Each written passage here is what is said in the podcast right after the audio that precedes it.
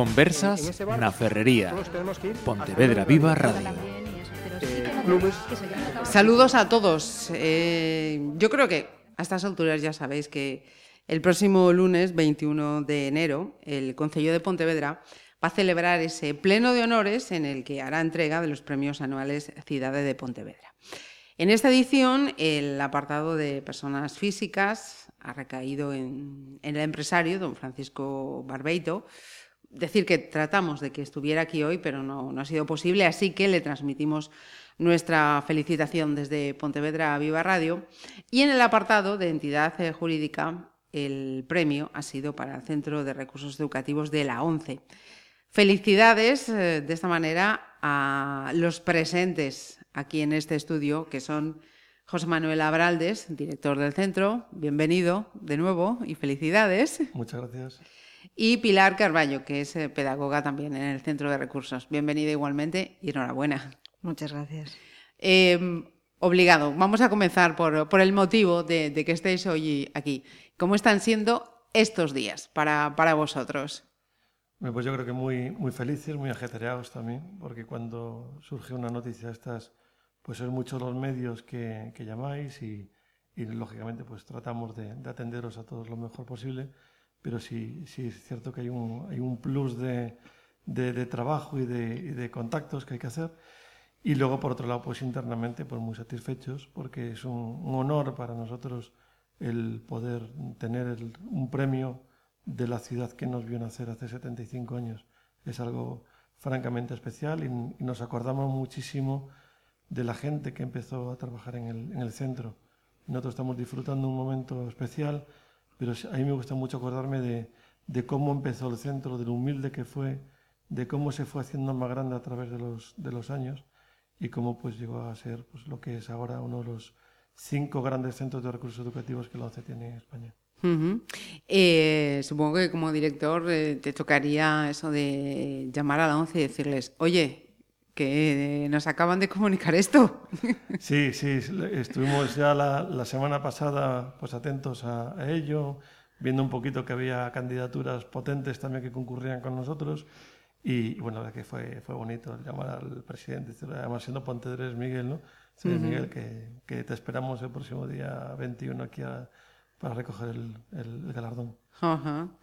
Eh, fue a instancias de la asociación eh, Juntos, ¿no? Que se propuso este esta nominación. Ahora, bueno, desde hace años que se lleva tanto. Está, estáis nominados. ¿Cómo, ¿Cómo os llegó la noticia de, oye, que os llevamos a, las candidaturas? Tenemos buena, muy buena relación con todas las entidades de, de lo social aquí en Pontevedra, con Juntos, Amencer, Juan 23, fundamentalmente. Y ya, de hecho, nosotros habíamos propuesto hace años a Juntos y ellos, pues bueno, dijeron, este es el año, 75 años, es una pena uh -huh. que, que no concurráis. También nos, nos nominaron eh, la Asociación de Jóvenes Empresarios. Ajá. Sí, también fueron las dos entidades que nos nominaron. Lo que pasa es que creo que debió ser antes la de Juntos y por eso tiene un poquito más de recorrido. De re... Ajá. Eh, Pilar, en tu caso, eh, ¿desde cuándo estás vinculada a, al Centro de Recursos de la ONCE? Cuéntanos. Uy. un poquito antes de la LOSE. Lo vamos a dejar sí. ahí. Mira, cuéntanos, ¿cómo, cómo, ¿cómo, es tu, tu, experiencia, tu día a día en el, en el centro? Bueno, Porque es... el papel de José, con su permiso, ya, ya, nos lo, ya no lo tiene contado en una playlist, ya sabemos las cositas que hace. Bueno, pues mi día a día varía. De un día a otro es, es muy diferente. Eso es, eso es, lo bonito, ¿no? Uh -huh. Eh, tiene que ver con atención a, a, distintos usuarios. Pueden ser alumnos, pueden ser familias, pueden ser otras instituciones o una profesora que está haciendo oposiciones y presenta un caso, como fue el otro día, ¿no? De un niño ciego en, en el aula y asesoramiento también de uh -huh. ese tipo. A universidad, colaboraciones con otras entidades. Eh, lo que importa es eh, visibilizar todos los servicios y trabajar mucho en red y colaborar, colaborar sobre todo por la inclusión educativa, ¿no? Uh -huh. día a día. Precisamente, eh, eso que último que acabas de decir, la, inclusión educativa eh, supuso eh, un punto de inflexión ¿no? en, la historia del centro de recursos. ¿no? La filosofía con la que se abre en el 43, si no me equivoco, a la que luego se tiene que ir adaptando o, transformando a partir de los 80 con ese objetivo. ¿no? Sí, el centro, colegio número 2 eh, que empezó el, el CRE, ¿no? Eh, el CRE de la ONCE ahora en Pontevedra. Eh, en ese momento la situación tanto vital como educativa de las personas con ceguera era, estaba en precario. ¿no? Y bueno, tras ese, esa iniciativa ¿no? Eh, y la evolución que tuvo desde ese colegio número 2 hasta ahora, ha, ha habido, como decíamos cuando fue eh, las, eh, el 75 sí, aniversario. el 75 aniversario, un camino de inclusión eh, muy largo y sinuoso a veces, ¿no? con sus uh -huh. claros y oscuros, pero de mucho esfuerzo por muchos compañeros que han estado antes que nosotros. Y, y bueno, pues hemos pasado por leyes educativas, como todos los alumnos de este país, muchas. Nos hemos ido adaptando a las situaciones educativas que han, que han ido concurriendo. Pero sí que hay un antes y un después, ¿no? Porque con la, la LOCSE en 1990, pues sí que hay como una, una reestructuración ¿no? a nivel interno de ONCE, pues hay una, una, nueva normativa para los servicios educativos de la ONCE que, que atañe a educación y eh, paralelamente a la LOCSE. ¿no? Entonces, eso hace que mm, concurran a la vez un centro específico y un incipiente centro de recursos educativos, ¿no? uh -huh. que, con, que con el tiempo, bueno, pues en el 2001 se cierra el centro específico y eh, sigue evolucionando el centro de recursos educativos uh -huh. en el que en el que seguimos trabajando hasta ahora, claro. Uh -huh. eh, ¿De qué manera también, cualquiera de los dos, cada uno también eh, supongo que tendrá su, su añadido, su, su cuestión que, que aportar. Mm, ¿De qué manera las, las nuevas tecnologías han ido eh, eh, ayudando a, a esos eh, recursos educativos, en este caso de, de la ONCE? José. Bueno, pues yo lo vivo más, bueno, más no, eh, en paralelo, como usuario y, y, como, y como director del, del centro. Del ¿no? centro. Uh -huh. las, las, nuevas tecnologías yo creo que realmente empezaron a, a entrar con, con, mucha fuerza a partir de, de los años 90. Pasamos eh, a coger notas en las clases en vez de con una máquina de escribir braille y molestando a todo el entorno. Yo, de hecho, aquí en Pontevedra soy muy recordado en el Valle Inclán por la máquina de escribir en braille, porque todos se acuerdan perfectamente de mí. Y yo sí recuerdo que en, en cuarto de carrera ya empecé a utilizar un, un aparato, un, un procesador específico de textos que se llama Eureka. Yo fui de los pocos que lo compró, prácticamente lo, todos utilizaron otro, otro sistema americano. Pero eran aparatos que te permitían escribir, coger notas a, pues a toda velocidad en clase, muy por encima de, de, lo que podían apurar nuestros compañeros. Y a partir de ese momento realmente empezamos a ser muchísimo más autónomos a, par, a la par que silenciosos. a partir de ahí, bueno, ya empezaron a generalizarse los, el, el uso del ordenador y ahí yo creo que empezamos a apostar en el mundo de la discapacidad visual no por tener aparatos específicos paralelos, sino por adaptar los equipos estándar. ¿no? Uh -huh. Y ahí pues empezaron a surgir las líneas Braille, la síntesis de voz y los ampliadores de caracteres. ¿no? Un ampliador que te permite en la pantalla ver el contenido pues mucho más, más grande. Y, y básicamente hemos, hemos seguido evolucionando con, con, est con estos eh, con esto, este aparataje, eh, con algún aparato específico, eh, digamos, en paralelo, y nos hemos presentado quizá pues ahora la, la época en la que nos encontramos actualmente, ¿no? que es la telefonía móvil, las pantallas táctiles. Y ahí es donde pues ha, ha habido también otro, otro boom, porque hace 8 o 10 años cuando se empezó a decir que nos encontrábamos ante las pantallas táctiles, dijimos, adiós, una uh -huh. pantalla que hay que tocar y que para saber dónde tienes que tocar antes que ver hay que verlo, pues nos hemos ya eh, ido al, otra vez al, al pozo. Uh -huh. Y sin embargo, pues bueno, básicamente eh, Apple, que ha sido quien ha desarrollado esta, esta tecnología, pues nos ha permitido pues, volver a engancharnos un poquito más lentos y también bastante más caros, pero nos ha permitido volver a engancharnos a la tecnología. Uh -huh. y hoy pues la tecnología es un grandísimo aliado en, en muchísimas ocasiones, pero también un poderosísimo enemigo en otras muchas, porque nos encontramos a veces con situaciones tan absolutamente absurdas como tener un libro de texto que se hace informáticamente y no es accesible. Eh, Pilar, tú en tu día a día, en tu trabajo también te encuentras con esa doble tesitura. Eh, sí, sobre todo en cuestiones de accesibilidad, ¿no? en situaciones escolares de, muchos usuarios que, tenemos, ¿no? en cualquier etapa educativa. Pero sí es cierto eh, que las herramientas de apoyo al estudio que tienen los alumnos ciegos actualmente hoy día son muchas. Quizá eh, falta más accesibilidad a la hora de, por ejemplo, navegar. ¿no? Te encuentras con muchísimas páginas web que no son accesibles y, bueno, ahí vienen muchísimos problemas. Claro.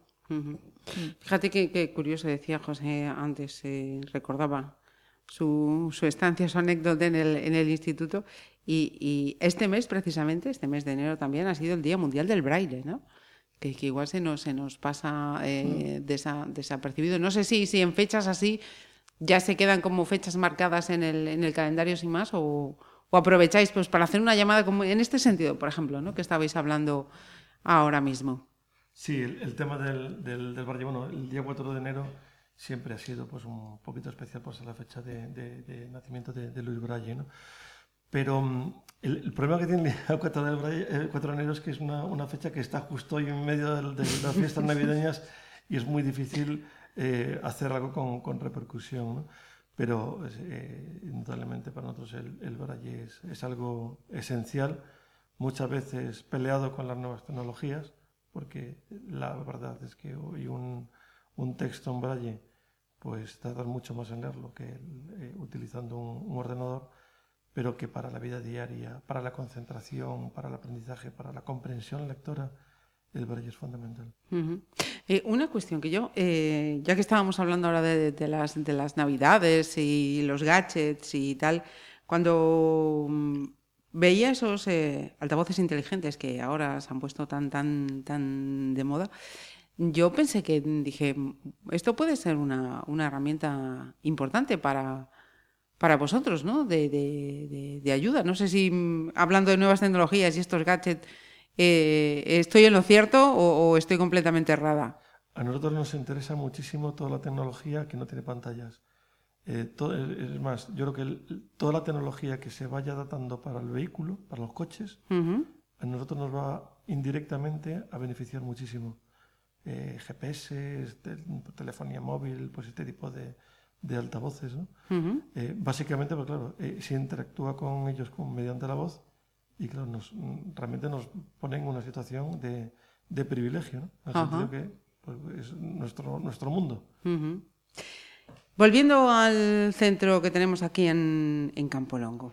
Eh, voy a reconoceros una pequeñilla trampa, porque yo les decía antes, no quiero poneros en un brete. Em, ¿Cuántos eh, estudiantes han pasado en estos 75 años por, el centro? Para que nos hagamos todos una idea de, la importancia, repercusión e influencia que, tiene este centro que tenemos aquí en Pontevedra. Pues con sinceridad tengo que contestar que no lo sabemos. Pero esa era la parte que no decíamos, José. Pero sí nos podemos aproximar. Sí, eh, sí podemos decir que en el centro, en el colegio, que empezó a funcionar en el año 43 y finalizó su actividad en el año 2001, podemos decir que fueron 1.078 estudiantes los que se matricularon en él. Niños que a veces estuvieron 8, 9, 10 años cursando y otros niños que a lo mejor estuvieron 2 o 3. Pero sí, el, dato objetivo son 1.078 estudiantes. Podemos decir también, y podríamos decir año a año, cuántos estudiantes atendemos en, en, la educación, en el ámbito de la educación integrada, que son eh, aproximadamente pues, una media de unos 530, 540, eh, desde el año 2001 hasta el 2019. este, este, dato también lo podríamos eh, aportar y sumar. Lo que nos es mucho más complicado es decir cuántos estudiantes han venido a hacer cursos de inglés durante 18 años, a hacer intercambios, cuántas familias formamos, cuántos miembros de esas familias, cuántos profesionales externos, cuánta gente vino a recibir atención en autonomía personal, en optimización del resto visual, eso ya es muy complicado. Más o menos el cálculo nuestro es en torno a los 10.000. Una cifra, cifra más que a, tener, a tener en cuenta. Esto significa que, el centro que tenemos ahí en Cambolongo no, no, no para. De, enero a diciembre no paráis en todo el año, Pilar. No, no paramos. Eh, la verdad es que eh, tenemos una pedagogía muy activa que, compartimos, con, como dije antes, con, otras instituciones con las que solemos eh, colaborar eh, y, e incluye un montón de cosas, porque como te dije, los usuarios son diversos y requieren distintas actividades. Tenemos eh, hacemos formación a profesionales, por ejemplo, cuando hablamos de inclusión educativa, algo tan importante es la formación de profesorado, ¿no? de profesionales en general. ¿no? También eh, escuelas de familias para mm, padres de, y madres de niños afiliados a la ONCE. Y, actividades, pues eh, cursos de verano también, que, que se publicitan aquí mucho en Pontevedra. Eh, los cursos de verano suelen ser en, junio y en septiembre, la, última semana de junio, la primera de septiembre. Y bueno, son actividades de todo tipo, no te puedes imaginar. Em, luego, luego te digo porque veo que todo el año está activo, pero eso cuando apaguemos, apaguemos el micro. Eh, hablando de, de, estos premios, ¿no? esa, esa difusión, esa visibilidad en doble sentido, que, tiene este centro, em, yo no tengo más que pensar, a veces ponemos la, tele y, en ese espacio que tiene la ONCE, la cantidad de veces que estás y de repente te dicen, y hoy o esta semana o estos días en el centro de recursos de la ONCE, o sea que hay una visibilidad, hay una importancia, el centro de recursos está, está ahí presente y tiene esta trascendencia en el exterior, ¿no? Cualquiera que, que lo vea está, está escuchando, está teniendo constancia de, que ese centro está ahí y todas las cosas que, hace. Sí, bueno, es muy importante visibilizar los servicios, ¿no? Porque hay procesos de detección del alumnado eh, que vienen pues a través de otros servicios, servicios que pueden estar en, en, los hospitales de neonatología, por ejemplo, se me ocurre ahora, ¿no? En atención temprana, nosotros tenemos un servicio de atención temprana que si eh, que, cuanto antes se detecten a los niños, antes se va a intervenir sobre ellos, ¿no? Entonces, bueno, esa colaboración interprofesional, esa colaboración de la sociedad en general, ¿no? Pero para eso, eh, aparte de cualquier actividad que podamos hablar de ella que hay en el centro, la labor de visibilización por parte de todos los profesionales está siempre ahí, ¿no? De nuestros servicios es muy muy importante. Caray, desconocía esa, ese aspecto. Y fíjate, eh, eso evidencia también que quizás eh, hacéis un, trabajo que no es no trasciende lo suficiente, ¿no? Quizá nosotros ahí también tenemos nuestra cuota de responsabilidad. Bueno, mira, eh, ahora, a ver, el modelo social de, en vez de decir de discapacidad, ¿no? Vamos a decir de capacidades diferentes. Ahora se habla de un modelo social. ¿Qué quiere decir esto? Pues quiere decir que eh, la discapacidad forma parte de la sociedad, no es una, solo la consecuencia de unos déficits. Entonces estamos hablando de un modelo más comprensivo, más global, ¿no? Eh, en el que sí hay que visibilizar que estamos ahí, todas las entidades de las que hablaba antes eh, José Ángel, ¿no? Eh, porque formamos parte de la diversidad de, la, sociedad. Entonces, eh, lógicamente, un niño eh, con baja visión o ceguera forma parte de esa ratio de alumnos, pero también requiere una intervención puntual y específica muchísimas veces, ¿no? Y que eso, pues, si, no, si no se visibiliza, si no se eh, si no se consolida una formación específica para profesores, una, una intervención de la ONCE, etcétera, etcétera, pues eh, no, no, va a cuajar ¿no? la inclusión educativa. eh, que, sea una inclusión no solamente en la teoría, sino también en la, en, la, práctica, efectiva. el, día, el Día del Braille ha, sido todos los años, pero ahora, si te fijas, se visibiliza muchísimo más en las redes, ¿no? Cómo se, se, visibilizan otras situaciones de vulnerabilidad. ¿Por qué? Porque la sociedad está mucho más pendiente. más pendiente. Yo creo que hemos evolucionado bastante. El pensamiento ahora, aunque estamos en un proceso, es un proceso ¿no? de, cambio aún todavía la inclusión, pero yo soy muy positiva en eso. Em, quería preguntaros eh, también em, por, un momento en el que mm, se, habló de que Pontevedra iba a tener un nuevo centro, al final eso no, salió para adelante. ahora mismo, en cuanto a dotaciones físicas, espacio y demás, eh, ¿estáis con lo que necesitáis? ¿Se necesita más? podemos eh, abrir otra vez una espita y decir, bueno, pues igual, quién sabe. Sí, yo creo que, lo importante en, la educación es la ilusión, el, trabajo, el compromiso en ella. Las instalaciones son importantes, pero yo no creo que sean, que sean algo absolutamente fundamental. ¿eh? Nosotros tenemos un, centro precioso en el que llevamos muchísimos años. Hubo ahí atrás pues, la, la posibilidad de modernizar el, centro, de irnos a otra, otra ubicación. Se, entendió interesante por parte del Ayuntamiento y por parte de la ONCE toda esa, toda esa operación. Vino esta crisis que nos ha acompañado y que ha hecho desaparecer las grúas de la ciudad de Pontevedra. Yo recuerdo hace 12 años que Pontevedra se veía, había una, una, vista lejana con múltiples grúas y yo creo que ahora no debe haber más de, de, una o dos en la ciudad. ¿no? Esta, situación nos afectó a todos, eh, afectó también a la Pontevedra, afectó también a, la ONCE y bueno, eh, entendimos que, pues que no era una, una operación buena el gastar dinero de la educación en construir un, centro, que era más operativo eh, arreglar el que tenemos y seguir dando los servicios en el que tenemos. Y por otro lado, yo os puedo decir que en nuestra casa el el 100% de los usuarios de nuestro centro están enamorados de las instalaciones. Por lo tanto, eh, desde el punto de vista afectivo interno, es mucho, no, no hay comparación. mucho mejor que donde estamos. Mira, y mm, mirando a este, a este 2019, he visto, por ejemplo, algunas cosas como que se ha comenzado el año con un acuerdo entre la Junta y la Fundación 11 para hacer eh, más accesible el, camino francés a, Santiago.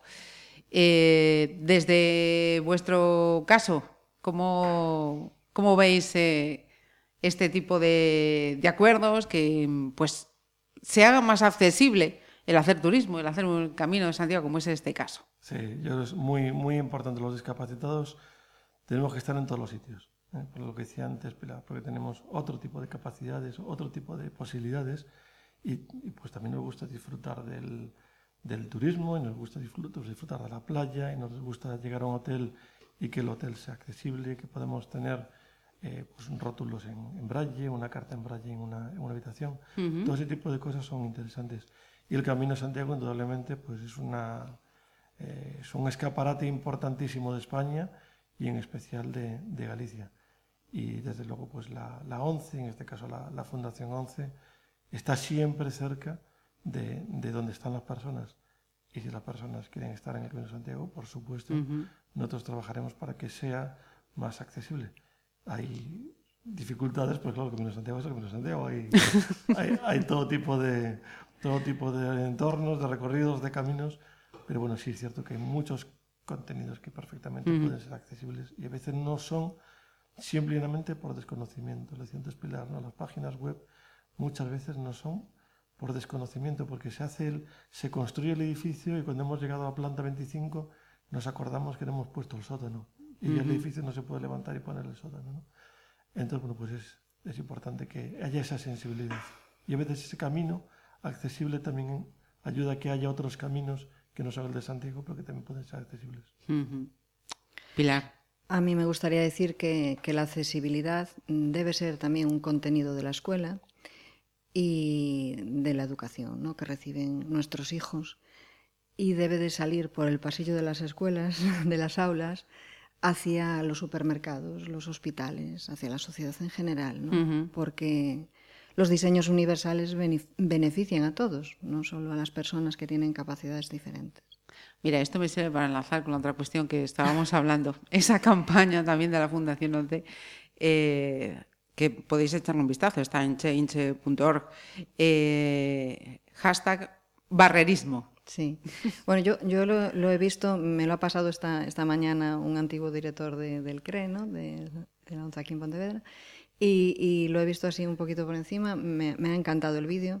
Eh, comienza con una, una, persona, un joven que es eh, ciego y dice que en vez de ir al gimnasio que se va a apuntar al, al barrerismo, ¿no? Y se trata de ir, eh, pues eso, sorteando los obstáculos que, que, hay muchos, ¿no? En las vías, patinetes, bueno, volardos donde no tienen que estar, etcétera.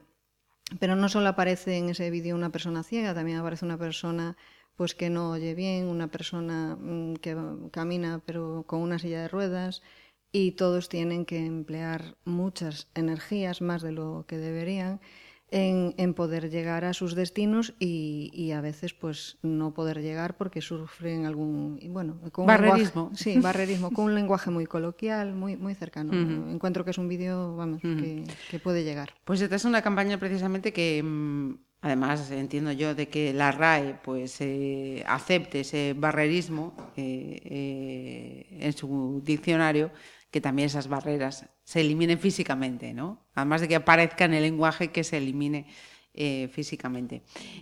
José, mm, yo supongo que vas a ser tú quien hable el lunes, ¿no? no, no, vaya. Viene, nuestro, presidente Miguel Carballeda y será el quien recoja el, premio. Quien, Ajá.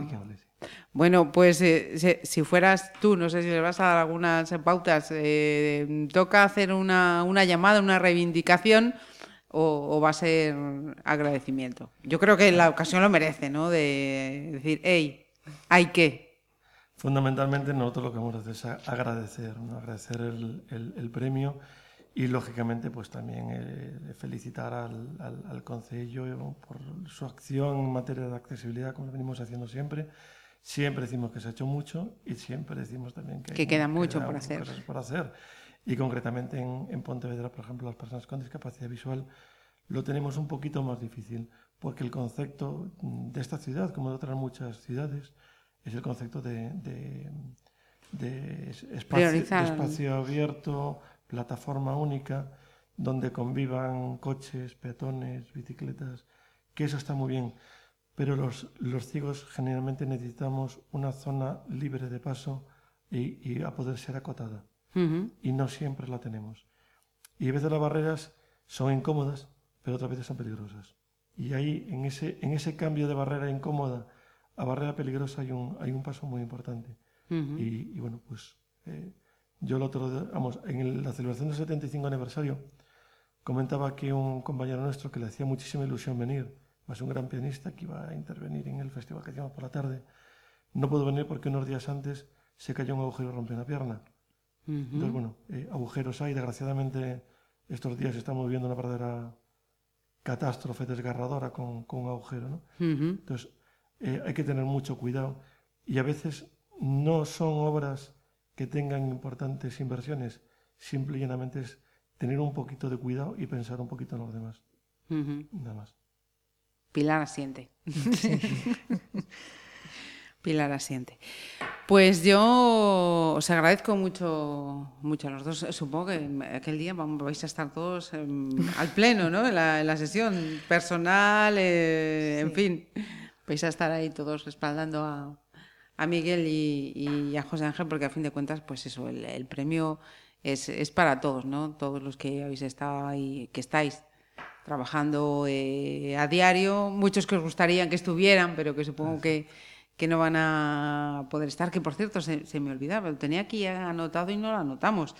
Em, tampoco pudo estar en el 75, pero que sepáis que un hombre conocido como Serafín Zubiri fue alumno de, este centro, ¿no? Estuvimos con él el 17 de noviembre en Villa García, y vino, vino a actuar. Eh, le habíamos, bueno, Serafín era uno de los invitados de honor para el, concierto que hacíamos el día 26 de mayo aquí en Pontevedra. Le coincidió con una actuación profesional suya. Lógicamente él es un profesional y se debe a lo que, a lo que se debe, pero eh, es un, es un buen amigo y un digamos, ilustre alumno del centro. Eh, precisamente estos días estaban celebrando el 25 aniversario de su subida a la Concagua. Habían subido un, grupo de tres, tres personas afiliadas a la 11 y habían hecho cima, yo creo que el 14 o el 15 del, del año 1994. Me acuerdo bien porque empecé a trabajar dos días después y todos los días estaban leyendo las crónicas de, de, aquella subida a la, a la Concagua. Y ahí estaba Serafín, pues como buen deportista que también es aparte, aparte de músico. Y dando ejemplo, ¿no? De que ser ciego, tener esa ese problema visual no, no significa no, no poder hacer pues eso, lo que uno se, se ponga por, eh, por, delante. Especialmente Serafín, que saltaba a la piscina de trampolines, participaba en concursos de baile. Le da todo. Exactamente polifacético. Sí, señor, sí, señor. Pues eh, José Ángel Abraldes, director de este centro Pontevedrés, Pilar, pedagoga. Nos hemos conocido hoy. Eh, muchísimas gracias por dedicarnos este tiempo y que disfrutes mucho esa jornada del lunes. La vamos a disfrutar. La familia completa, muchísimas gracias. La paciencia, la paciencia. Acerca a ese niño al deporte y después eh, los árbitros. los árbitros sí, hemos sido varias veces campeonas gallegas. Conversas na Ferrería. Pontevedra Viva Radio.